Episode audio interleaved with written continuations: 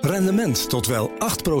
Ontdek Unity. Wij bieden koppelbare werk, kantoor en opslagruimtes die staan voor duurzaamheid, kwaliteit en veelzijdigheid. Sluit je aan bij Unity, waar alle ruimte is voor creativiteit, lef en rendement. Kijk voor meer informatie op unity-units.nl.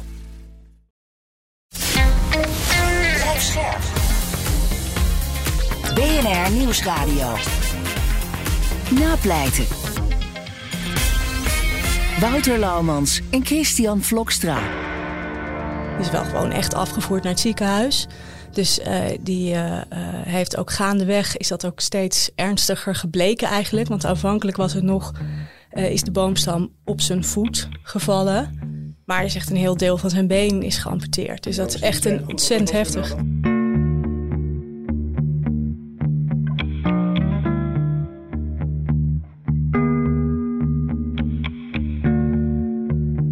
Hallo en welkom bij Napleiten, de podcast waarin we met advocaten en officieren van justitie praten over strafzaken die hen altijd zullen bijblijven. Mijn naam is Wouter Laumans en naast me zit strafpleiter Christian Vlokstra. Welkom Chris. Dankjewel Wouter. Even de huisregels als gebruikelijk. In deze podcast praten we over definitief afgedane zaken en vanwege de journalistieke zuiverheid behandelen we ook geen zaken waar jij, Christian Vlokstra, als advocaat ook maar enigerlei betrokkenheid bij hebt. Uh, Chris, een vraag vooraf. Hoe, hoe, belangrijk is het dat een verdachte goed verklaart, een goede verklaring aflegt? Nou, dat kan uh, uh, redelijk essentieel zijn. Kijk, het belangrijkste is, is dat een verdachte niet een verklaring aflegt die niet naar waarheid blijkt te zijn achteraf. Mm -hmm. He, want als je eenmaal een, een, een, verklaring aflegt die aantoonbaar leugenachtig is gebleken, gebleken of onaannemelijk, dan sta je niet met 2-0 achter, maar met 4-0 of misschien wel met 6-0 achter. Is dat dan mijnheid, zoals ze dat noemen? Nee, nee, dat is geen mijnheid. Hè. Een verdachte mag in principe, die is niet verplicht hè, op grond van de wet om naar waarheid te verklaren. Alleen, ja, als jij wil dat de rechter jou gelooft in de uitleg hè, van, van belastende bewijsmiddelen, dan is het vrij onhandig om te beginnen met een verklaring die ongeloofwaardig is. Dus het belangrijkste is, leg geen verklaring af die ongeloofwaardig is of die niet klopt. Uh, kies dan voor het zwijgerecht. Maar als je gaat verklaren, wat een hele goede beslissing kan zijn hè, om, om te gaan verklaren. Ja.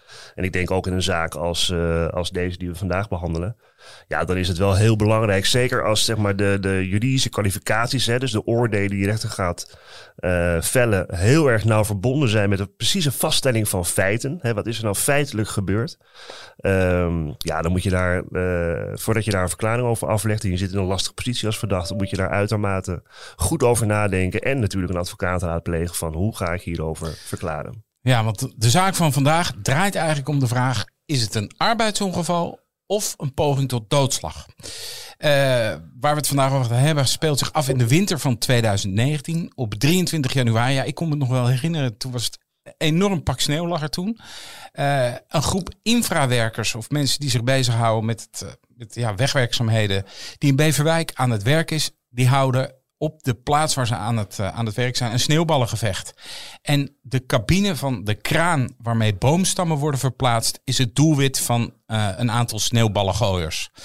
Opeens maakt de kraan een draaiende beweging. Een boomstam van een paar honderd kilo valt uit de grijper op de voet van een van de sneeuwballengooiers. Die sneeuwballengooier die raakt zwaar gewond. Bij ons de gast vandaag is advocaat Rosanne Kokke. Um, of advocaat, ja, zeg ik dat eigenlijk goed? Ja, nou nog een week ongeveer en dan is het voorbij. Ach. Ja, ik ben nu nog even advocaat, maar dat, uh, dat is eindig. Ja. ja, ik zag op de website van nou, je bent ermee gestopt. Ja, uh, ja what, dat klopt. What happened? Ja, nou ja, het leven heeft nog zoveel andere dingen ook te bieden. En uh, ik vond het nog steeds heel leuk, maar ik dacht ook wel soms van, goh, ga ik dit nou tot mijn pensioen doen? Nou, die, daar was het antwoord wel al nee op, maar Waarom? het had, nou, het is best wel sleuren, zo'n praktijk. Maar je kunt natuurlijk ook Chris, een beetje een andere kant merk op. je dat? Ja, nee, daar heb ik helemaal geen last van. Nee. nee, het, is, uh, het, is, ja, het is wel roofbouw. Uh, zeker als je je eigen kantoor hebt natuurlijk. Dan, uh, dan ja. is Ja, het dat heeft. Rosanne hè, in Haarlem. Ja. Uh, nog een week dus. Ja, precies. Nou ja, en mijn eigen kantoor, dat ben ik, zeg maar. Hè. Dus Ja. dan, het betekent ook gewoon dat je, als je dan nog uh, stagiaires hebt bijvoorbeeld, dan stuur je die mooi op piketten af die op ongelegen momenten komen. Maar dat is, ja, als je het echt in je eentje draait, dan ga je ook. Want ja, anders ben je mensen kwijt. Dat wil je natuurlijk niet. Hè? Je Mijn klanten, cliënten, ja. ja. nou ja, als ze dan naar je vragen, dan is dat fijn. En dan wil je ze niet teleurstellen. Dus daar ga je naartoe. Als een Eh, soort ook. dierenarts bij nacht en ontij Nou. naar piketmeldingen. Ja, kijk, er kan maar tot acht uur worden uitgemeld. Hè? Dus het is niet midden in de nacht. Maar het is wel ook soms om kwart voor acht. En als er dan een minderjarige is, willen ze die avond nog wel graag horen. Want dan kunnen ze het nog snel afdoen, hoeven ze niet in de cel te blijven. Ja, dan kan ik als advocaat niet zeggen, nou jongens, morgen om negen uur lijkt me prima. Het is voor zo'n jongere ook gewoon zaak dat hij zo snel mogelijk weer buiten staat. Dus dan ga je. En dat is ook heel leuk. Maar dat heeft ja, toch ook de andere kant. Dat ze thuis bijvoorbeeld ook wel eens denken, nou, oh. En dus de tweede kerstdag had ik een piketmelding. En toen zei ik thuis van, ah, ik ben zo weer terug. Toen gingen er al een paar van die wenkbrauwen omhoog. Van, nou, zo weer terug. Die kennen we nou wel. Dus ja, daar ging het eh, kerstontbijt. Volgens Maar- mij klinkt dat voor iedereen hier aan tafel bekend. Ja, maar ik zorg altijd wel dat ik eh, niet ingeschreven sta op tweede kerstdag. Ja. Oké. Maar wat ik wel wilde, wilde vragen, eh Rosanne, is eh, waarom heb je er nou niet voor gekozen om, om zeg maar wel met meer mensen in een kantoor te zitten? Of staat het ook Ja. wel een beetje in dat je het werk zelf gewoon op, ja, wel, ja, Nou, er liepen misschien ook gewoon een beetje twee dingen naast elkaar. Dus het kwam eigenlijk nu... eh, want ik zit al een hele tijd in Provinciale Staten voor GroenLinks. En eh, in dit is de tweede periode, dus doe ik nu zeven jaar. Eh, dus ik heb ook wel een grote liefde voor politiek. En ook wel een beetje een oogje naar het openbaar bestuur gehad, altijd. Maar ik had een eigen kantoor en dat was ook prima. ja. Dus ik had eigenlijk zo na deze verkiezingen, zeg maar de, volgend jaar zijn er nieuwe verkiezingen. Dan had ik ofwel gestopt met alles wat met de provincie te maken had. En dus kantoor weer eens wat, wat groter misschien. Hè? Want je kunt ook niet aan twee dingen vol. nee, Dus je, het is altijd een beetje twee ballen of nou misschien wel tien ballen tegelijk in de lucht. ja. En het had ook gekund. En als ik nou bijvoorbeeld iemand op het oog had waarvan ik dacht, hé kijk, dit is nou iemand die doet het net als ik. En die heeft eenzelfde soort perspectief, dan had ik dat misschien wel gedaan. Had ook Ja. gewoon gekund. ja. Ja, ja want poli- er zijn wel meer advocaten die volgens mij de politiek in eh, gaan. Ja, op dit Ja. moment is denk ik de bekendste eh eh Hiddema, hè, denk ik. Ja, ik denk in ieder geval qua strafrechtadvocaat eh, is Theo Helema natuurlijk eh onze En we hebben natuurlijk ook officieren eh, van in de Eerste justitie eh, in de politiek gehad. Eh, Teven, eh, bekend. Nou ja, zo- sowieso zijn er heel veel civiele advocaten volgens mij die, eh, hè, die, eh, die later de Tweede Kamer ingaan of een andere bestuursfunctie hebben. Ja, wat Ja. is dat toch met die dat, advocaat in politiek? Want als ik met jou over politiek eh, praat, Chris, dan beginnen je oogjes ook altijd te twinkelen. nou ja, Rosanne, zeg maar, wat, wat is dat? Ja, nou, het maakt nog wel uit natuurlijk of je van links of van rechts kijkt. Hè? Want de twee heren die je net aanhaalt, Zeker. die eh, zitten duidelijk aan, eh, toch, wat mij betreft, helemaal aan de andere kant. Ik kijk daar toch al een beetje eh, links Ja, we gaan, maar we gaan, het hier niet over, we gaan het hier niet over politiek. eh, Ja, we komen er misschien wel niet uit, maar het is als jurist natuurlijk wel heel interessant. Omdat je kijkt als jurist naar een strafdossier, maar je kijkt ook naar hoe zit die wet eigenlijk in elkaar. En, had dat, en ook hoe, hoe werkt dit hele beleid. Dat, ja, dat, dat is een beetje, heb je meegekregen als je ging studeren. Ja. Dus ja, daar kan je ook wel een liefde voor ontwikkelen. ja. Ja, en vergeet niet, het recht gaat uiteindelijk natuurlijk ook voor een belangrijk deel over het ordenen van een maatschappij. Ja, Eh, dat is natuurlijk ook waar de politiek over gaat. Dus er zijn natuurlijk heel veel raakvlakken tussen politiek en, eh, en het recht. Ja. Volgens mij, mijn indruk is trouwens wel dat er steeds minder juristen in de politiek komen. In ieder geval in de Tweede Kamer. En steeds meer economen. Eh, en of dat nou zo'n of dat nou zo'n goede Ja, ontwikkeling en daar is, is een, is van een, is een tweede. als juristen. Ja. Ja. Ja, nee, want ik, ik Ja. zat even te kijken, eh Rosanne Kokken, en dan, dan doe ik een, een Google search. Hè. Dat, daaruit bestaat mijn research voor, dit, eh, voor deze show. En toen zag ik inderdaad eh, eigenlijk allemaal politieke dingen van jou. Eh, eh, je hebt je opgewonden over de Formule 1 op Zandvoort, zag ik. Ja, klopt. Ja. Nou, dan maak je vrienden mee daar, of niet? Nou ja, op sommige plekken er waren mensen heel enthousiast. Ja. Maar er zijn natuurlijk ook mensen die dat allemaal Nee, eh, ja, gezeur inderdaad. vinden als je dat Ja. niks vindt. Ja. De zaak van vandaag. Jij stond de eh, kraanmachinist bij. Hoe raakte jij bij deze zaak betrokken? Ehm, ja, nou eigenlijk, ehm, ik, eh, je hebt allemaal eh, websites met, eh, moet je naar de politierechter, dan moet je ons bellen, zeg maar. En daar kun je als advocatenkantoor ook bij aansluiten. En dan krijg je eigenlijk de doorverwijzingen die geografisch in de buurt zitten. Dus deze meneer had gegoogeld, want die moest inderdaad bij de politie komen voor een verhoor. En die had op die manier mijn kantoor gevonden. En die belde mij dus met, eh, ja, ik heb een verhoor. En eh legde het dan aan de telefoon zo heel kort een beetje uit. Hè. En dat ik echt allemaal dacht van, hè, wat zeg je nou? Wat, is er gebeurd? Oh jeetje, oké, Wat nou kom maar dan even precies? langs. Nou ja, eigenlijk was hij vrij rustig. Ja, hij had dat verhaal natuurlijk inmiddels ook al een aantal keer verteld. Want dat verhoor kwam echt nou, een aantal maanden nadat het gebeurd is pas. Oké, dus er is daar op die plek, op die dag toen dat gebeurde, i- die januari-dag, is daar, is daar onderzoek geweest of niet? Nou Wat is er ja, gebeurd? Dat, eh, dat is ook wel echt een onderdeel van kritiek, denk ik, in dit dossier. Hoegenaamd geen onderzoek. Want de politie komt ter plaatse En die kijken op zich een beetje rond en die denken dan, nou, dit is echt iets voor de arbodienst. Ja. Dus die gaan eigenlijk, zonder dat ze sporen veiligstellen, die vragen wel aan een paar mensen van, goh, nou, wat is er gebeurd? Ja. Dus die nemen wat tamelijk summiere verklaringen op eigenlijk. En die gaan weg. En de arbodienst komt ook. En die doen eigenlijk een beetje het spiegelbeeldige. Die kijken rond en die denken, nou, dit is echt iets voor de politie. Dus die eh, maken ook een, een verslag van 1 à 4, misschien anderhalf. En die gaan ook weer weg. Uh, maar er heeft dan wel bij de politie iemand aangifte gedaan hiervan. Het slachtoffer doet aangifte van ehm poging zware mishandeling of een zware mishandeling, poging doodslag. Ja, want hoe was, was het slachtoffer eraan toe? Nou, slecht. Ja. Die is wel gewoon echt afgevoerd naar het ziekenhuis. Dus uh, die uh, uh, heeft ook gaandeweg, is dat ook steeds ernstiger gebleken eigenlijk. Want aanvankelijk was het nog, is de boomstam op zijn voet gevallen. Maar is echt een heel deel van zijn been is geamputeerd. Dus maar misschien is het even goed, want wat was er nou, wat was er nou hè, want je, uh, Wouter haalt het even kort aan natuurlijk in de inleiding, maar wat was er nou feitelijk gebeurd? Weet je dat nog ja. precies? Nou ja, want ik zat te luisteren en toen dacht ik al, nou, ik zou net iets anders zeggen. Nou, dat klopt niet helemaal, hè. nou is het napleiten, je mag, ja, je, je mag, mag ons... Uh, ja. ja. nou dat is ook wel, want uh, ter voorbereiding hè, stuurde ik jullie natuurlijk het requisitor, mijn eigen verhaal en dan het vonnis van de rechtbank. En eigenlijk zijn dat bijna drie verschillende verhalen. Ja, dat viel dat mij je denkt ook van, hè, maar hoe kan het nou? Want het is toch één situatie uh, waar iedereen dan dus een beetje anders naar kijkt op basis van hetzelfde dossier. Dat is Ja. best wel vreemd. ja. Um, en wat ik, waar ik een beetje op aansloeg bijvoorbeeld was... Uh, wat ik dan heel belangrijk vond in het dossier. Dit vindt plaats op de werf waar deze mensen in principe altijd werken. En waar dus allerlei veiligheidsregels gelden. Hè? Dus je moet een helm op als je daar rondloopt. Je moet je uh, veiligheidsschoenen aan. Nou, dat soort regels vindt mijn cliënt dan heel belangrijk. En hij zegt, ja, ik ben daar wel gewoon een beetje uh, strenger in dan de rest. En de rest Ja. vindt mij maar een zeurkous. ja, een regelneuker. Ja, precies. Ja. Dus hij uh, heeft al vaker dingen gemeld over, nou, ik wil niet met die werken, want als ik boven in een boom zit, dan voel ik me niet veilig, want ik weet niet of u wel oplet. Want het is gevaarlijk werk wat ze doen. Nou ja, in potentie is zo'n werf waar met zwaar materieel wordt gewerkt natuurlijk altijd gevaarlijk. Hè? Met de kettingzaag werken, Ja. ja, dat is ook gevaarlijk. Ja, Het dit is- zijn gaat boomstammen allemaal- van 400 kilo, zag ik. Nou, Ja. dat is behoorlijk uh, Ja. gewicht. Ja, nou ja, als je die op je krijgt, dan is het Nou ja, natuurlijk dan ben super je- gevaarlijk. Ja. Maar wat gebeurde er? Dus hij is daar Ja. bezig met boomstammen. Ja, hij is met, uh, met één andere man, dat is zeg maar zijn zager, bezig boomstammen uh, op maat te laten zagen. Of tenminste, hij legt de boomstam neer met de kraan waar hij op zit. En dan de zager die zaagt met een kettingzaag die boomstammen precies op het goede formaat. En hij pakt dan vervolgens die weer weg en dan legt hij netjes op een stapel, zodat die allemaal verwerkt kunnen worden. En uh, hij zit daarvoor in een kraan.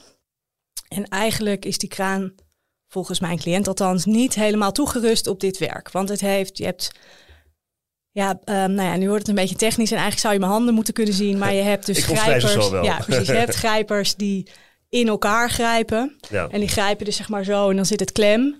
En je hebt ook knijpers, die kunnen alleen maar zo. Ja. Dus als je dat zo, nou nu is het glas een beetje groot, maar als het zo is, dan pak je dus niks op. Dus Nee. dan moet je het zo doen. Ja. En dan komt er spanning Ja, op wat ja, ja. je oppakt. Ja, voor de, voor de luisteraars, wij Ja. krijgen hier een prachtige demonstratie met een glas. Maar het komt er eigenlijk op neer dat als je je handen voor je hebt en je gaat je in elkaar doen. En met je ze- vingers ook, dan, heb je, dan grijpt hij hem echt vast. Ja. Maar als dat niet kan, dan pak je hem eigenlijk met je vingertoppen, pak je die boom vast, zou je kunnen zeggen. Ja, precies. Ja. En dan omdat hij dus als je gewoon de vingers of zeg maar je vingertoppen op elkaar zet en de kraan is dan heeft dan wel een rondje, maar dat kan te groot zijn. Dus je moet dan wat je oppakt echt als een soort pincet Ja. pak je dan met je kraan dat op. Dus eigenlijk zit daar een verkeerde eh, grijper klem op, Ja. op. Nou, hij heeft dat wel eens aangekaart, zegt hij. Eh, maar goed, hij moet nog steeds wel gewoon het werk moet gedaan en er is geen andere knijper, dus hij gaat dit gewoon doen. En op zich is dat wel een beetje link, want het zijn natte boomstammen. Nou, hout, dat werkt ook Ja. nog. Hè? Dus, en als je dus druk op, want die kraan die grijpt aan op waar, zeg maar, dus die kan niet, gaat, die heeft geen losse dingen. Dus dat is best wel nee, een het is beetje echt wel twee instabiel. statische handen die met de vingertoppen Ja. bam, die boomstam Ja, pakken. precies. Klemmen. Ja. Klemmen. Nou, hij klemt die boom, maar hij legt dat dan steeds neer. Dat wordt gezaagd. En dan eh, merkt hij opeens dat er sneeuwballen van achter hem komen. Richting die kettingzaag, zeg maar. Oké. Die, Nou, die en- man met die kettingzaag bedoel je? Nee, hij in de kraan ziet die sneeuwballen langs zijn cabine gaan naar de zager toe. De man met de kettingzaag. Ja. Ja, daar ziet hij de sneeuwballen Ja, heen ja. gaan. En hij in de kraan denkt op dat moment al eigenlijk een soort van, nou ja, Wat gebeurt hier? Wat is dit? Ja. En dat heeft me ook ontzettend verbaasd in dit hele stuk. Eigenlijk gaat iedereen daar een beetje aan voorbij. Zo van ja, nou ja, ja het is eh, sneeuw en eh, dat is gewoon een lolletje. Dat Wat ik me natuurlijk ook wel echt- kan voorstellen. Als Nou, je daar ook- nee, sorry, nee, dat kan me Oh. echt nee. Nee, echt we niet. hadden moeten streng zijn. Ja, Ja, ja, nee. sorry, ik ben misschien wat ondeugend, maar ik kan me voorstellen dat je als het sneeuwt, dat er een soort kinderlijke gekkigheid Ja. over je komt, dat je een sneeuwbal gooit. Ja. Dat kan ik me voorstellen. Prima. Op, op- jij en ik, als we buiten op straat staan misschien. Oké, we zijn Maar streng in de leer. Ja, nee, sorry. Maar naar iemand met een kettingzaag? Nee, dat vind ik echt wel Nee, een beetje bizar. Nee, dat is inderdaad niet op verstandig. een werkplaats. Je- nee, ja, ja, dat, dat, ja. daar was ik al afgehaakt met Ja. van, oh ja, logisch, zeg maar. Ja. Dat vond ik helemaal niet. Maar goed, mijn cliënt, die natuurlijk ook een beetje door mij heen praatte, hè, vond dat ook helemaal niet logisch. Nee. Zo, wat gebeurt er nu? En misschien ook wel meteen denken, nou, daar gaan we weer.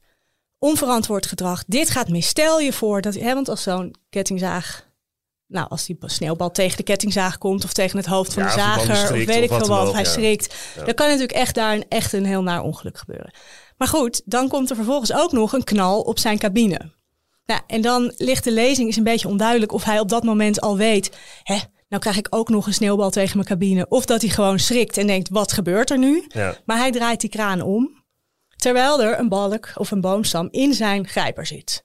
Dus hij maakt eigenlijk de hele tijd korte bewegingen. gewoon van het stapeltje naar de, Ja. naar de zager en terug. Ja, en nu hij, hij draait hij hem helemaal, om. rond. Ja. Ja. Want hij heeft achter zich geen zicht. Dus hij draait eigenlijk om om te kijken wat gebeurt er. En daar staan de sneeuwballengooiers. Ja, nou ja, en, dan, en daar liggen dus ook, zeg maar, de officier die zag dat heel anders dan dat ik het zag en dan ik het heb uitgelegd.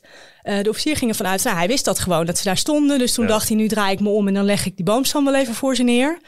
Ergens heeft hij wel iets gezegd van, ik, ik, ik wilde die boomstam daar neerleggen.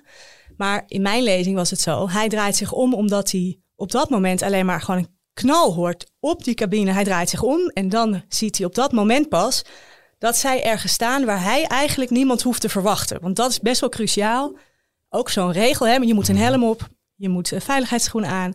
Maar wat ook zo is, en eh, ja, wij allemaal, eh, zeg maar, boekenwurmen weten het allemaal niet. Maar het is wel zo, als je bij op zo'n terrein in ieder geval, mag je niet in de draaicirkel van zo'n kraan gaan staan.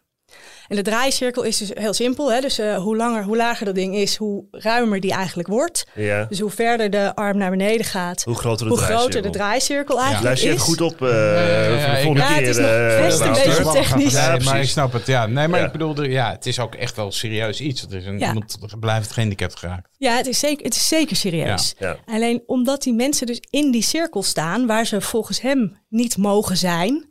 En hij dus ook geen rekening mee hoeft te houden.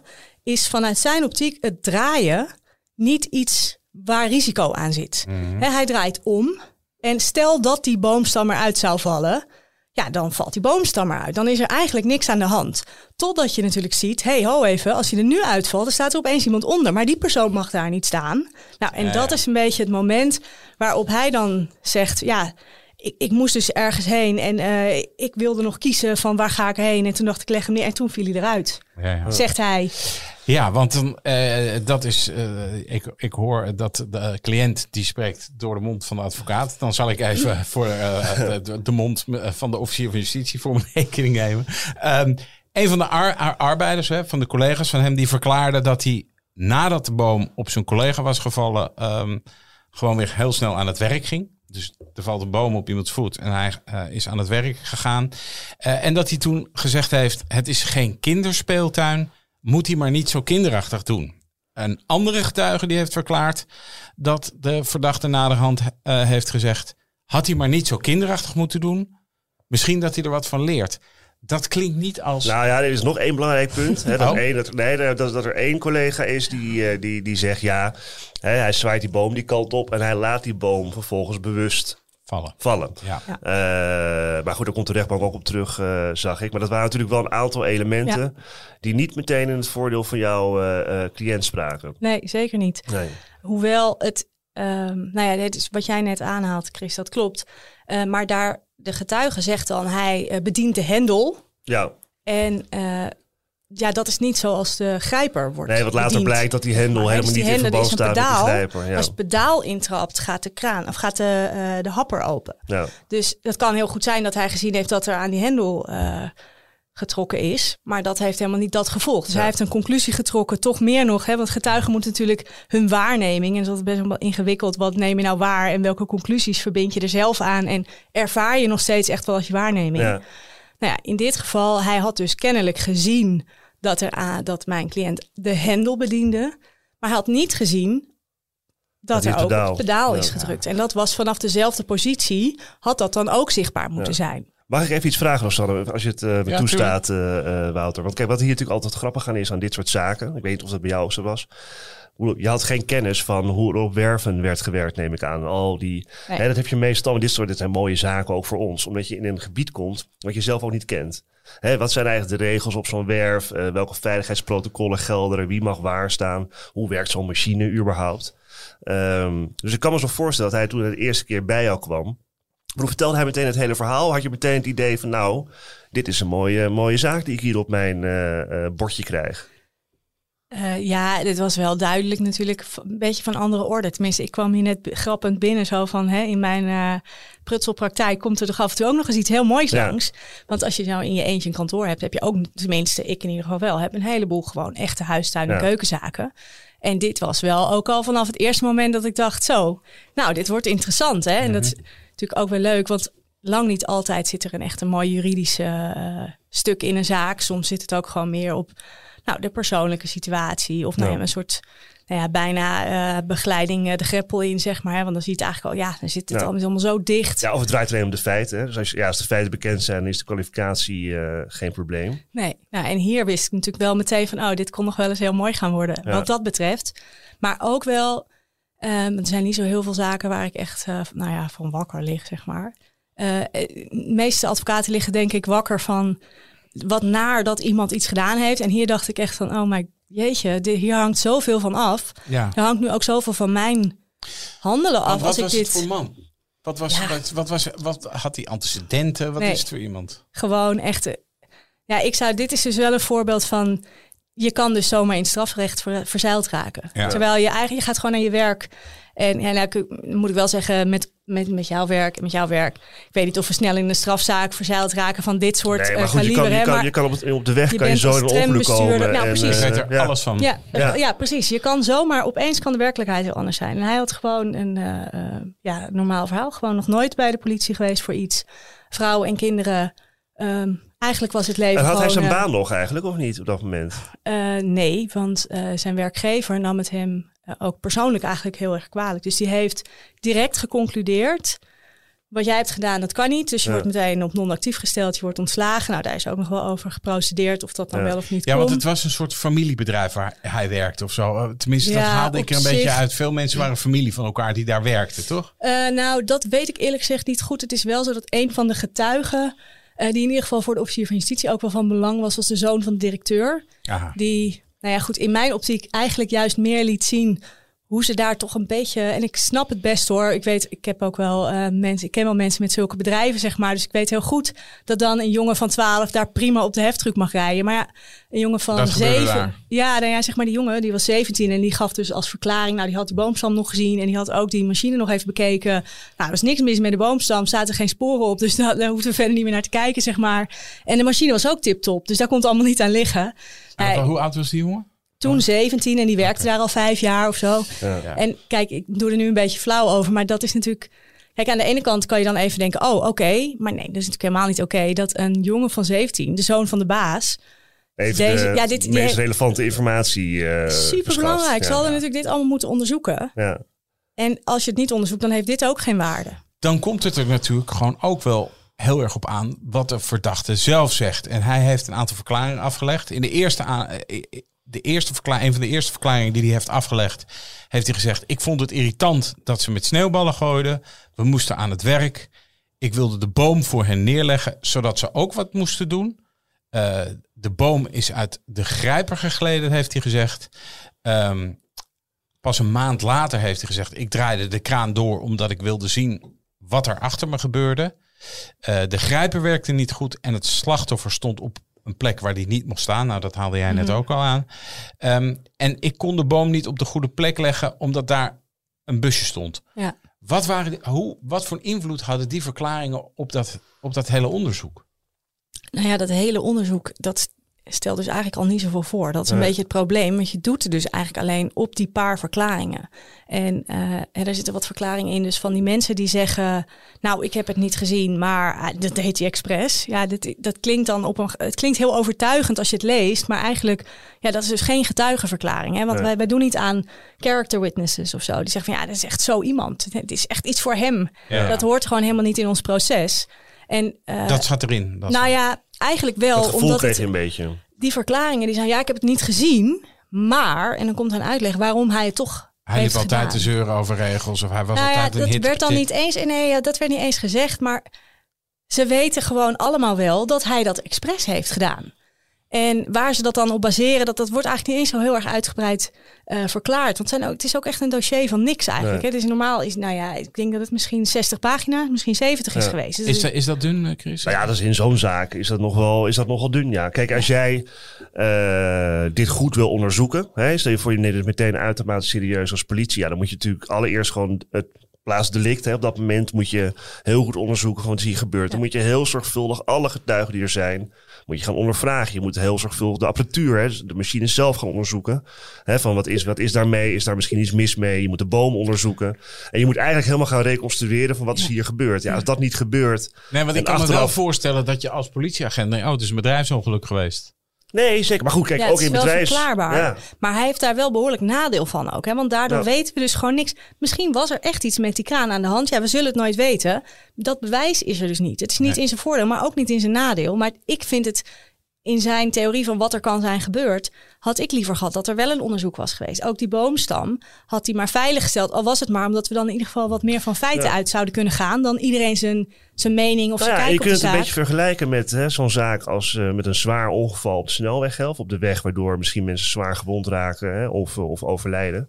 Dan komt ook de verkeersontgevalsanalysedienst van, eh, van de politie. Nou, die, die, die reconstrueren tot op de millimeter Ja, wat er gebeurd maken, die is. gaan precies meten van op welke afstand en welke remweg. En dan weet je dus veel meer dan wat je nu weet. Maar wat er, de andere kant is ook wel een beetje... ehm, hè, want hoeveel keer kan je iemand iets vragen? Uiteindelijk Ja. is het ook weer niet iets waar je duizend vragen over hoeft te stellen. Want ik denk eigenlijk juist dat dat hem ook, een, nou ja, genekt bijna misschien wel had gekund. Eh, hè, want we hadden het weer begonnen met hoe belangrijk is een verklaring. Ja, kan ontzettend belangrijk zijn. En dat kun je mensen eigenlijk bijna niet goed genoeg uitleggen. Dat een rechter en wij als juristen wegen die woorden echt op een goudschaal. Ja. En heel veel mensen hebben helemaal niet per se een even grote woordenschat. En een, een, een precies verfijnd gevoel bij wat dat dan betekent, wat je precies zegt. Ja. Hè? Daar hadden we het vorige week ook over. eh, en dan ging het weliswaar over proceshouding. Hè, Ja. Natuurlijk, eh, met Anis Boemenjal. eh dat dat mensen die in dat systeem terechtkomen... gewoon eigenlijk soms niet weten... wat wordt er nou van mij verwacht. Nee. nee, en ook niet, dus niet doorhebben. Dat weten ze niet. En ze ook niet doorhebben dat als je hè, eh, nonchalant verklaart... Hè, of, of te gemakkelijk verklaart of daar eh, bepaalde kwalificaties aan verbindt... wat voor gevolgen dat kan hebben uiteindelijk voor je eigen positie. Of ook getuigen die dat doen. Hè, er wordt heel makkelijk door een getuige gezegd... Hey, eh, hij heeft dat expres gedaan. Hè, maar er- zonder dat erbij te zeggen... ja, dat denk ik omdat Ja. hij hè, gewoon een enorme eh mierenneuker Ja, is. maar dan wordt dus zo'n zinnetje... Ik vond het Ja. irritant dat ze met sneeuwballen gooiden. Ja. Eh, we moesten aan het werk. Dat wordt dan opeens dat je denkt... oh, dat bijna Ja, impliceert dat nou eigenlijk dat je dit dus allemaal zo bedoeld had, Ja. maar dat misschien wat erger is Want in, geworden welke dan je had context, gedacht? want in welke context is Ja. dat gezegd? Hè? Want het kan Ja. ook zijn van dat, ze, dat ze aan hem vroeg: hey, waarom, waarom ga je dan naar achteren toe? En dat hij zegt: hey, eh, Ja. ik word beschoten, waarom zijn ze niet aan het werk? Was geïrriteerd. Ja. Zonder dat hij daar. eh, nee, maar ja. met, met, eh, ja, met precies. sneeuwballen. Ik schrik, ik draai me om. Ja, Maar goed, Maar- in het strafproces en in het recht algemeen is taal, zowel verbaal op zitting als op schrift in het proces verbaal, is, ja, is essentieel. Ja. En dat kan je mensen, vind ik echt soms, of nou ja, eigenlijk bijna niet uitleggen. Nee. Dat overzien mensen zeker aan het begin niet. En later beginnen ze dan vaak nog wel een beetje te zien van, nou ja, hè, dat ene zinnetje, ja, maar dat bedoelde ik toch helemaal niet zo. Ja, maar dat betekent toch iets anders. Ja, hè, dus dat is ook best een goede reden om te zeggen, nou, leg maar geen verklaring Nee. af in het begin, want je krijgt misschien wel, als je nu alvast een verklaring aflegt, en dan komt er misschien nog wel een keer een verhoor. Nou, niemand. Als ik jou nu ga vragen van, goh, hey, vertel eens, hoe ging dat vorige week, dat, dat feestje waar je was? Eh, leg even uit eh, van A tot Z. Nou, prima, dat heb je dan allemaal verteld. En dan vraag ik het je volgende week nog een keer. Ja, dan ga je natuurlijk niet letterlijk hetzelfde verhaal vertellen. Nee. Je weet heus nog wel dat je gebarbecued hebt. En je weet misschien ook nog wel dat, oh, dat was zo leuk, want eh, die of die had een hele grote ballon bij zich. Dat, die twee dingen komen wel terug. Maar Ja, in het ene geval zeg je eigenlijk zomaar dat iemand, iemand was er in het volgende verhaal komt hij helemaal niet terug. Ja, dan ben jij niet aan het liegen. Maar dan vertel jij gewoon Details, zo'n beetje details je van de weg die, die essentieel kunnen zijn. Ja, ik Ja. zie een beetje fronsen. Maar kijk, hoe langer mensen gehoord worden... Hè, dan kunnen de details wegvallen die van Ja. belang zijn. Of, Maar er komen ook weer details terug. hè, als er doorgevraagd wordt en maar doorgevraagd wordt... dat er details bij komen Ja. die opeens ook weer relevant zijn. Ja. Nou ja, en ik zeg dan, er komen details terug. En dat is ook niet altijd zo. Mensen vullen het gewoon aan. Vullen het in, want dan word je drie keer gevraagd, ja maar, ja, maar wat zeg je nou? Maar wat dacht jij toen? Nou, iemand zegt, nou ja, dacht ik toen, ja, nou ja, eh, ja, dat, eh, ja, dat vond, ja, dat vond, ja, vond ik eigenlijk wel irritant, ja. Nou, prima, hè? ik vond het irritant. Dan krijg je al, je ziet in het proces verbaal meestal niet eens die weg van, ja, eh, maar er staat gewoon, ik vond het irritant. En dan is de samenvatting, oh, hij vond het irritant. Ja, Kijk, ja. sneeuwballen gooien, hij vond het irritant. Oh, dit is wat er aan de hand is. Hij vond het irritant. Weet je, en zo komt het soms de- helemaal uit zijn verband. En hoe was jouw cliënt? Eh, want je, die ging dus de gerechtelijke molen in. Eh, Ja. was de iemand- politie, toch? Neem ik Ja, aan. ja, nou, ja eh, hoe was jouw cliënt daaronder? Hoe, hoe was dat voor hem? Nou, die was best wel een beetje verongelijk. Hij kon het eigenlijk niet geloven. Omdat hij, voor hem was dit echt een ongeluk. En Vond hij het erg voor het slachtoffer? Heeft hij dat in zijn eerste verklaringen gelijk gezegd? ehm, heeft hij dat gezegd? Nou, de eerste verklaring was dus op de werf Ja. nog. Hè, dus een, een vrij korte verklaring is dat geweest. Eh, ik denk dat hij, zeg maar, dus bij de opmerking van, nou, hij moet er maar van leren. Daarvan heeft hij wel gezegd, ja, dat, dat kan ik best wel gezegd hebben. Eh, op dat moment was helemaal nog niet zo duidelijk hoe ernstig het allemaal was. Nee, want dat doorwerken. Ik bedoel, als ik een boomstam op zijn voet laat. eh, dat is natuurlijk wel een, ook een belastende Ja. verklaring. Dat je zegt, hij ging gewoon daarna door. Nou ja, belastende verklaring. Ja, Of- kijk, ja, nou ja, belastend feit. Je zou is- kunnen zeggen, het feit dat, dat iemand gewond raakt en jij gaat door, laat zien wat je intenties kennelijk waren. Zo ja, zo, in, in die Ja. zin bedoel ik het. Ja, dat kan. Ja, of het laat zien dat je, dat je op dat moment misschien niet helemaal overziet wat er gebeurt. Nee. Dat je Ja. misschien wel geschrokken bent. Dat je ook niet zo goed weet wat je tussen al die boze mensen verder nog moet doen. Moet je, moet je daartussen gaan staan terwijl ze allemaal kwaad op je zijn. Hè? Dus, ja, Maar mag ik vragen, Rosanne, want jij gaat, want hij kreeg die uitnodiging van het verhoor. Nou, hij Ja. komt, hè, komt dan uiteindelijk bij jou terecht. Ik neem aan, je nodigt hem uit op kantoor. Je spreekt het helemaal met hem door. En je gaat dan met hem naar de politie, neem Ja. ik aan, de eerste Ja, ik ben keer. meegegaan, ja. En heeft hij toen een verklaring afgelegd in jouw ogen die, die wel gewoon correct was en correct papier stond en, en, en goed weergaf hoe, eh, hè, wat zijn visie op het verhaal was? Ja, ja. We hadden Je zegt het... het een beetje met aardig. Nou, ik zit even te denken, ja, we- ik kwam op een gegeven moment een klein beetje in conflict met de verhorend ambtenaar. Dat is nog wel eens lastig, hè? Ja. Want zij schrijven het dan op en soms stellen ze vier, vijf keer dus dezelfde vraag. Terwijl je denkt, ja, weet je, hij, hij heeft nu eigenlijk al twee keer gezegd dat hij het niet weet. Jij kunt nu nog wel een keer vragen, maar wat is het antwoord nog waard? Want Nou, wat ik net al zei, die twee, drie keer dat iemand niet weet, die zie je niet meer terug. En dan lijkt er opeens zo'n heel stellig antwoord te zijn. Terwijl, ik, nou ja, goed, dus ik was daar een beetje over in discussie. Dat ging een beetje naar het eind.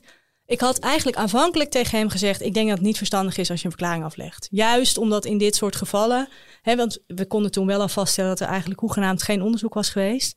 En ja, qua getuigen was ook maar zeer de vraag wat die nou zouden toevoegen. Maar dat is meer denkend uit van niet van heb je het gedaan, maar gewoon wat kan er liggen. Ja. Wat, wat, want uiteindelijk gaat het, ja, dat is heel erg, maar het gaat niet over de waarheid, het gaat over het dossier. Dat is wel iets anders. ja, Ja. maar dat is natuurlijk voor mensen, voor buitenstaanders, heel moeilijk eh, te behapstukken. Ja. Want als jij, eh, hè, als jij ervan overtuigd bent dat iemand iets expres heeft gedaan. Ik, ik denk dat voor zo, voor, als ik zo'n boom op mijn been had gekregen en iedereen in mijn omgeving heeft gezegd van joh, dat deed hij expres. Ja. Dat ik dan toch heel anders naar zo'n opmerking zou kijken van een advocaat. Ja. Dat ik denk, nou lekker dan. Ja. Nou ja, en het, het speelt denk ik in deze zaak eh, eh, in het bijzonder, omdat dus de, de, de feitenvaststelling heel belangrijk is. Mhm. hè, van wat is er nou feitelijk gebeurd, niet alleen van wat hij heeft gedaan, maar ook als het gaat om hè, hoe, de, hoe de werking is van die apparatuur. Ehm, en ik denk dat Rosanne, als ik het zo hoor, ik het een beetje, eh, de inschatting heeft gemaakt van nou, er ligt weinig eh, Ja. materiaal om die feiten daadwerkelijk vast te stellen. Ja. En dat is dan eigenlijk mijn verdedigingslijn. Want ik kan wel zeggen, ja, het is allemaal mooi en aardig wat u ervan vindt en wat iedereen ervan denkt. Maar u kunt helemaal niet vaststellen Ja, wat er feitelijk is gebeurd. niet. Ja, precies. En dan Eh, kan je soms maar beter zelf je mond, of soms, dan meestal kan je beter zelf je mond houden. Maar het is ook wel heel lastig in zo'n zaak, Rosanne, moet ik nou zeggen. ja, Om dan uiteindelijk. te laten eh, zwijgen. ja, nou ja, goed. ehm, kijk, want dat over dat zwijgen en ik, wat ik net zei, hè, van je hebt de waarheid en je hebt het dossier. Soms ligt dat best wel dicht bij elkaar, maar soms ligt dat ook wel een eindje uit elkaar. En ehm, het is uiteindelijk een cliënt die kiest natuurlijk, want je mag wel eerlijk verklaren, je mag dingen wel op je nemen, maar het is wel mijn werk om je uit te leggen dat dat niet hoeft. En dat je een keuze mag maken. Ja. Hè, dat je, je hoeft jezelf niet te belasten. En als je dat wel doet, dat je dan ook weet, oké, prima. Maar als we ervan uitgaan dat jij dit expres doet, nou, dan ga je wel een tijdje vast. Hè, dus, dus weet ook, het is misschien goed en nobel. En Ja, je, Ik maar vind je prima. zit in een papieren werkelijkheid. Ja. Hè? Dat is Ja. waar je in zit. Ja. En, en ah, dan denk ik ook al wel eens van, nou ja, in het dossier staat niet dat de zon die dag is opgekomen. Dat is wel zeer aannemelijk. Nou ja, kijk, en daar speelt in deze zaak nog iets mee. Hè? Want het ging niet alleen maar om een poging doodslag eh, of poging zwaar, zag ik. Maar ook nog om hè, eh, eh, zwaar lichamelijk letsel door schuld. Ja, Hè? Zodat je, Ja. dat je, dan is het niet, hoeft er geen sprake te zijn van opzet, maar wel van aanmerkelijk onvoorzichtig handelen. ja. eh, waardoor iemand zwaar lichamelijk letsel bekomt. En dat zie je vaak juist in dit soort bedrijfsongevallenzaken. Dat daarvoor gekozen Ja. wordt. Hè? Want iemand doet Ja. niet iets met opzet.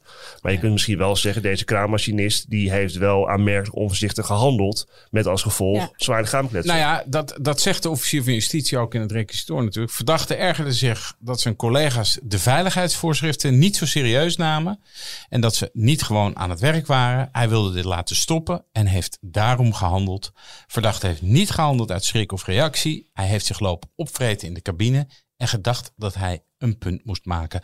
Dat zei dus in. En dat eh, was 1 december 2020 dat de officier dat, eh, dat zei. Ehm, die eiste vier jaar Ja. eh, van één voorwaardelijk. Dat is, dat is heftig voor iemand die nog nooit. eh, Zeker. maar voor de poging doodslag, toch? Volgens Ja. mij. Ja, Ja, ja, die ging Ja. voor de zwaarste bewijsverklaring. Wat dacht jij toen, toen je die eis hoorde?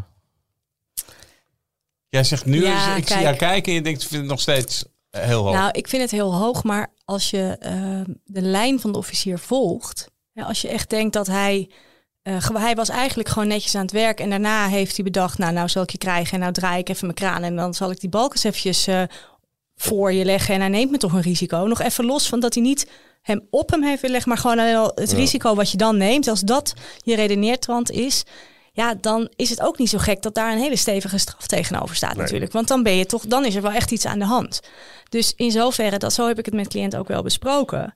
Ja, in onze lijn is dit een ongeluk. Is het Ja. hooguit, kom je dan nog misschien aan dat je toch... Ja.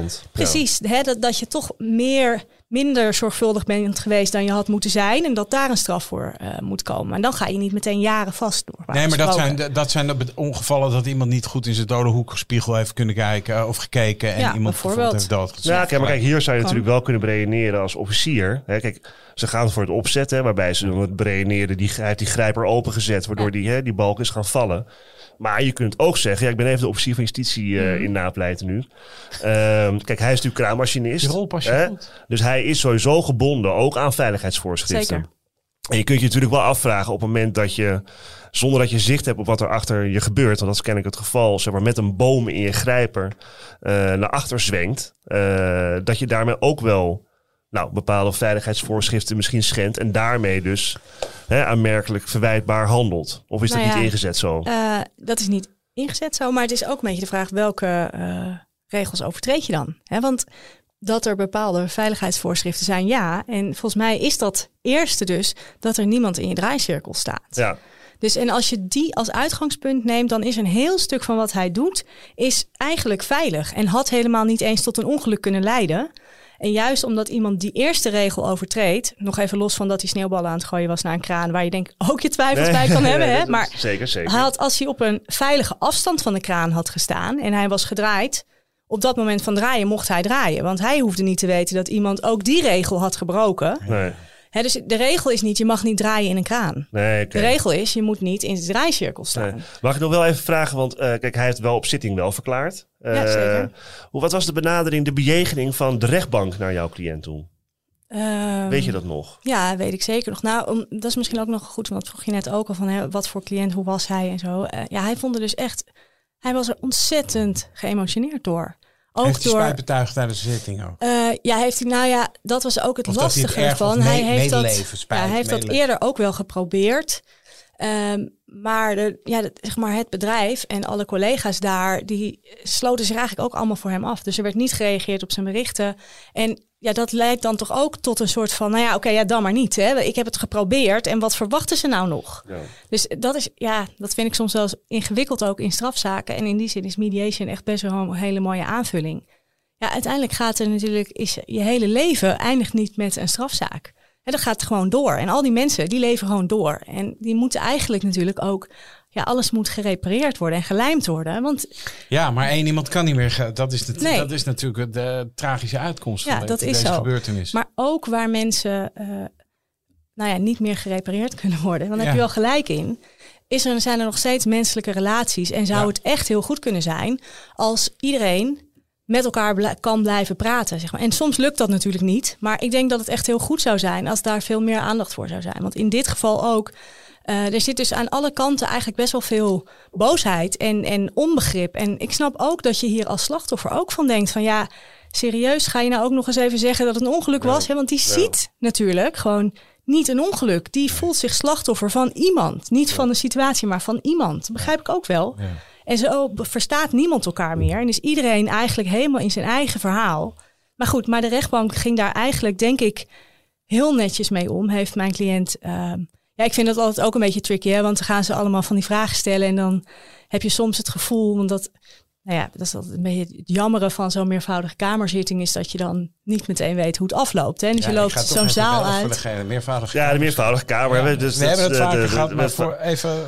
Als je in het strafrecht terechtkomt, kun je ja, simpel gezegd voor de politierechter komen. Dat is de enkelvoudige rechter. Die doet ook maar vaak meteen uitspraken. Dus die behandelt de zaak en die zegt meteen wat hij of zij ervan vindt. En de meervoudige kamer zijn drie rechters. En die doen er in het algemeen twee weken over om dan vervolgens met een schriftelijk vonnis te komen. Ja, het is altijd zo'n anticlimax, zelfs bij een overwinning. Ja, Want hoe Tenminste, was het in deze zaak? nou ja, uiteindelijk hij is vrijgesproken. ja, Eh, maar goed, dat zie je dan op papier. Dat is toch anders. ja. Je had hem liever gelijk binnen Eigenlijk daar. Is wat dat betreft is een politierechterzitting veel lekkerder. Want dan heb je net gepleit en dan krijg je daarna te horen wat het wordt. En dan denk je, ja, weet je wel, dan loop je naar buiten. en maar dan voel kan je... aan de andere kant opvallen. Tuurlijk, Dat- tuurlijk. dus- Ja, maar bij de politierechter, dat is dan dood het de voordeel. De politierechter legt natuurlijk nooit hele zware straffen Nee, op, want dan was het niet daar. Dus zelfs als het daar dan niet goed uitpakt, valt er ook nog vaak wel mee te leven. Ja. En dat is met meervoudig wel anders. Dus in die zin is het gewoon goed dat je het even rustig tot je door kan laten dringen. Want ik las eh, dat jij eh, tijdens, het, eh, tijdens het vonnis ook zijn persoonlijke omstandigheden had aangehaald. Die waren, eh, het heeft hem veel, eh, jouw cliënt ook veel gekost. hè? Ja. Ja, nou ja, inmiddels gaat het eigenlijk allemaal wel weer wat beter. Tenminste, eh, een stuk beter volgens mij ook. Maar toen, ehm, nou ja, dus zijn werkgever had hem direct op non-actief gesteld. En kwam ook met een enorme schadevordering. Want die zei, nou ja, dit is dus jouw schuld. Dus alles ga ik op jou verhalen. Ehm, daar is hij onwijs van geschrokken ook gewoon met... oh, maar ik weet niet eens of ik jou wel kan betalen. En oh, hoe moet dat nou? Nou goed, dat geeft natuurlijk druk in een gezin. Dus uiteindelijk is die relatie kwam ook onder zodanige spanning... dat het erop leek dat ze uit elkaar zouden gaan. Dus hij zag zijn kinderen opeens heel weinig. Nou ja, toen zat hij echt bij mij... Hij is een aantal keer langs geweest... Ja, ik, ik ben misschien ook wel soms net iets meer sociaal werker of zo. Of gewoon mens dan alleen maar advocaat. Ja, als iemand het zo hoog zit en het er toch nog graag een keer over wil hebben. Nou, kom nog maar een keer langs en ga nog maar even zitten. Ja, en dan was het soms echt tranen met tuiten over. Ja, ik weet het ook niet meer. En hoe moet dit nou? En waarom? Nee, dat is echt heel lastig. Want je kan het niet voor iemand oplossen.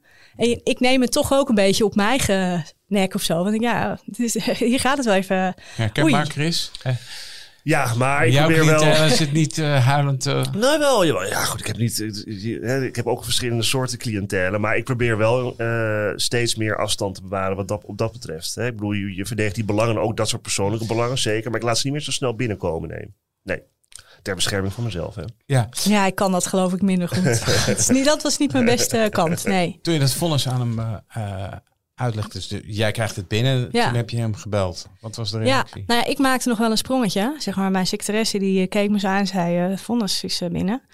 Dus nou, ik durfde eigenlijk niet te kijken, want het, was, het is echt een gewoon, ja, alles of niks natuurlijk eigenlijk. Tenminste, nou, het had ook nog ergens in het midden een beetje kunnen. Maar, nou goed, dus, en ik zag aan haar ogen dat zij zag dat het goed was. Dus toen zei ik, wat is het, wat is het? Zei ze, ja, vrijspraak. En ik was echt nog even, oh, wow, er viel echt wat van me af. En toen ging ik eh, eh, hem, eh, ik stuurde een berichtje met, nou, het vonnis is er, bel me even. Oh, je hebt niet gelijk gezegd, vrijspraak, bel me even. Of... Nee, dat heb ik niet meteen gezegd. Nee, ik dacht, je moet me gewoon even bellen. Ja, ja, ja misschien raar, maar... en hij belt en toen zei ik, zeg, nou, ik heb ontzettend goed nieuws. Je bent vrijgesproken. Zei hij, oh, nou, dat is wel mooi. En ik dacht echt, hè? Hè, waar is het hoera? Of waar is het, oh, mijn hemel, wat fijn. Of Dank je wel, Gewoon, eh, ja, nee, gewoon, ja, oh ja, oké, nou, dat is wel fijn, ja.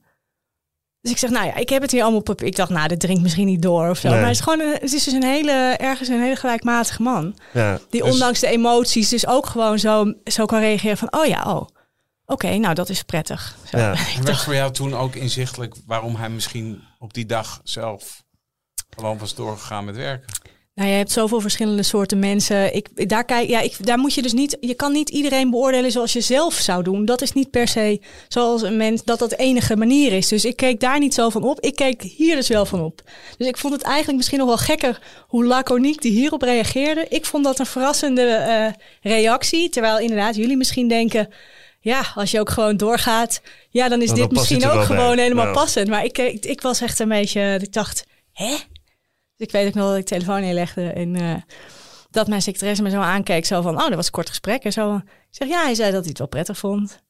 en zij moest heel hard lachen. Zo van, hè, maar... Eh. Nou ja, dus wij hadden samen veel meer euforie, zeg maar, over... Goh, wat, eh, wat, eh, wat, een, pre- nou ja, wat een prettige uitkomst. Die moet zelf zeg maar. slingers ophangen. of Ja, zo. Duidelijk, duidelijk, ja.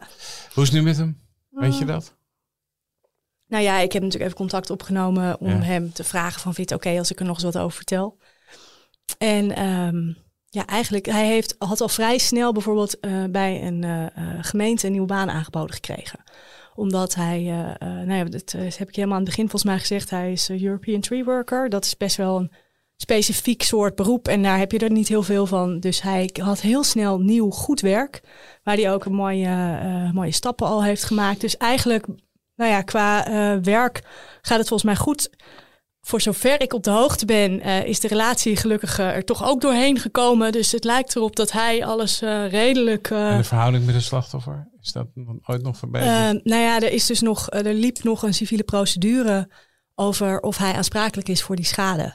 Dus er is, en dat, zo, die procedures die staan natuurlijk ook altijd volledig in de weg aan normale gesprekken. Ja. Want dan sta je gewoon alle twee aan een andere kant. Ja. Dus overigens is dat niet tussen, ehm, voor zover ik dat weet hoor, maar ik doe die, die het zaak niet tussen het bedrijf en ja. de, ja precies, dus dat is wel een beetje anders. Dankjewel, eh Rosanne Kokker, voor, dit, eh, voor je komst naar de studio en dit verhaal. Ehm, dit was Napleiten. De uitspraak in deze zaak kunt u nalezen op rechtspraak.nl. Mijn naam is Wouter Laumans en naast me zit co-host advocaat Christian Vlokstra. Deze podcast is te beluisteren op Apple Podcasts en Spotify. Vergeet u vooral niet te abonneren. Dan bent u op de hoogte als er weer een nieuwe aflevering online staat. Verder zijn we uiteraard te volgen op de socials, Twitter en Instagram. Dank voor het luisteren en graag tot de volgende keer.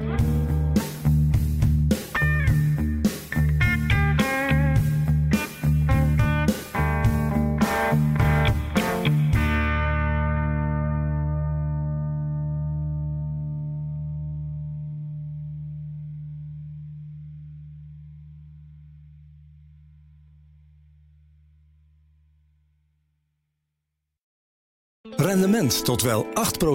Ontdek Unity. Wij bieden koppelbare werk, kantoor en opslagruimtes die staan voor duurzaamheid, kwaliteit en veelzijdigheid. Sluit je aan bij Unity, waar alle ruimte is voor creativiteit, lef en rendement. Kijk voor meer informatie op unity-units.nl.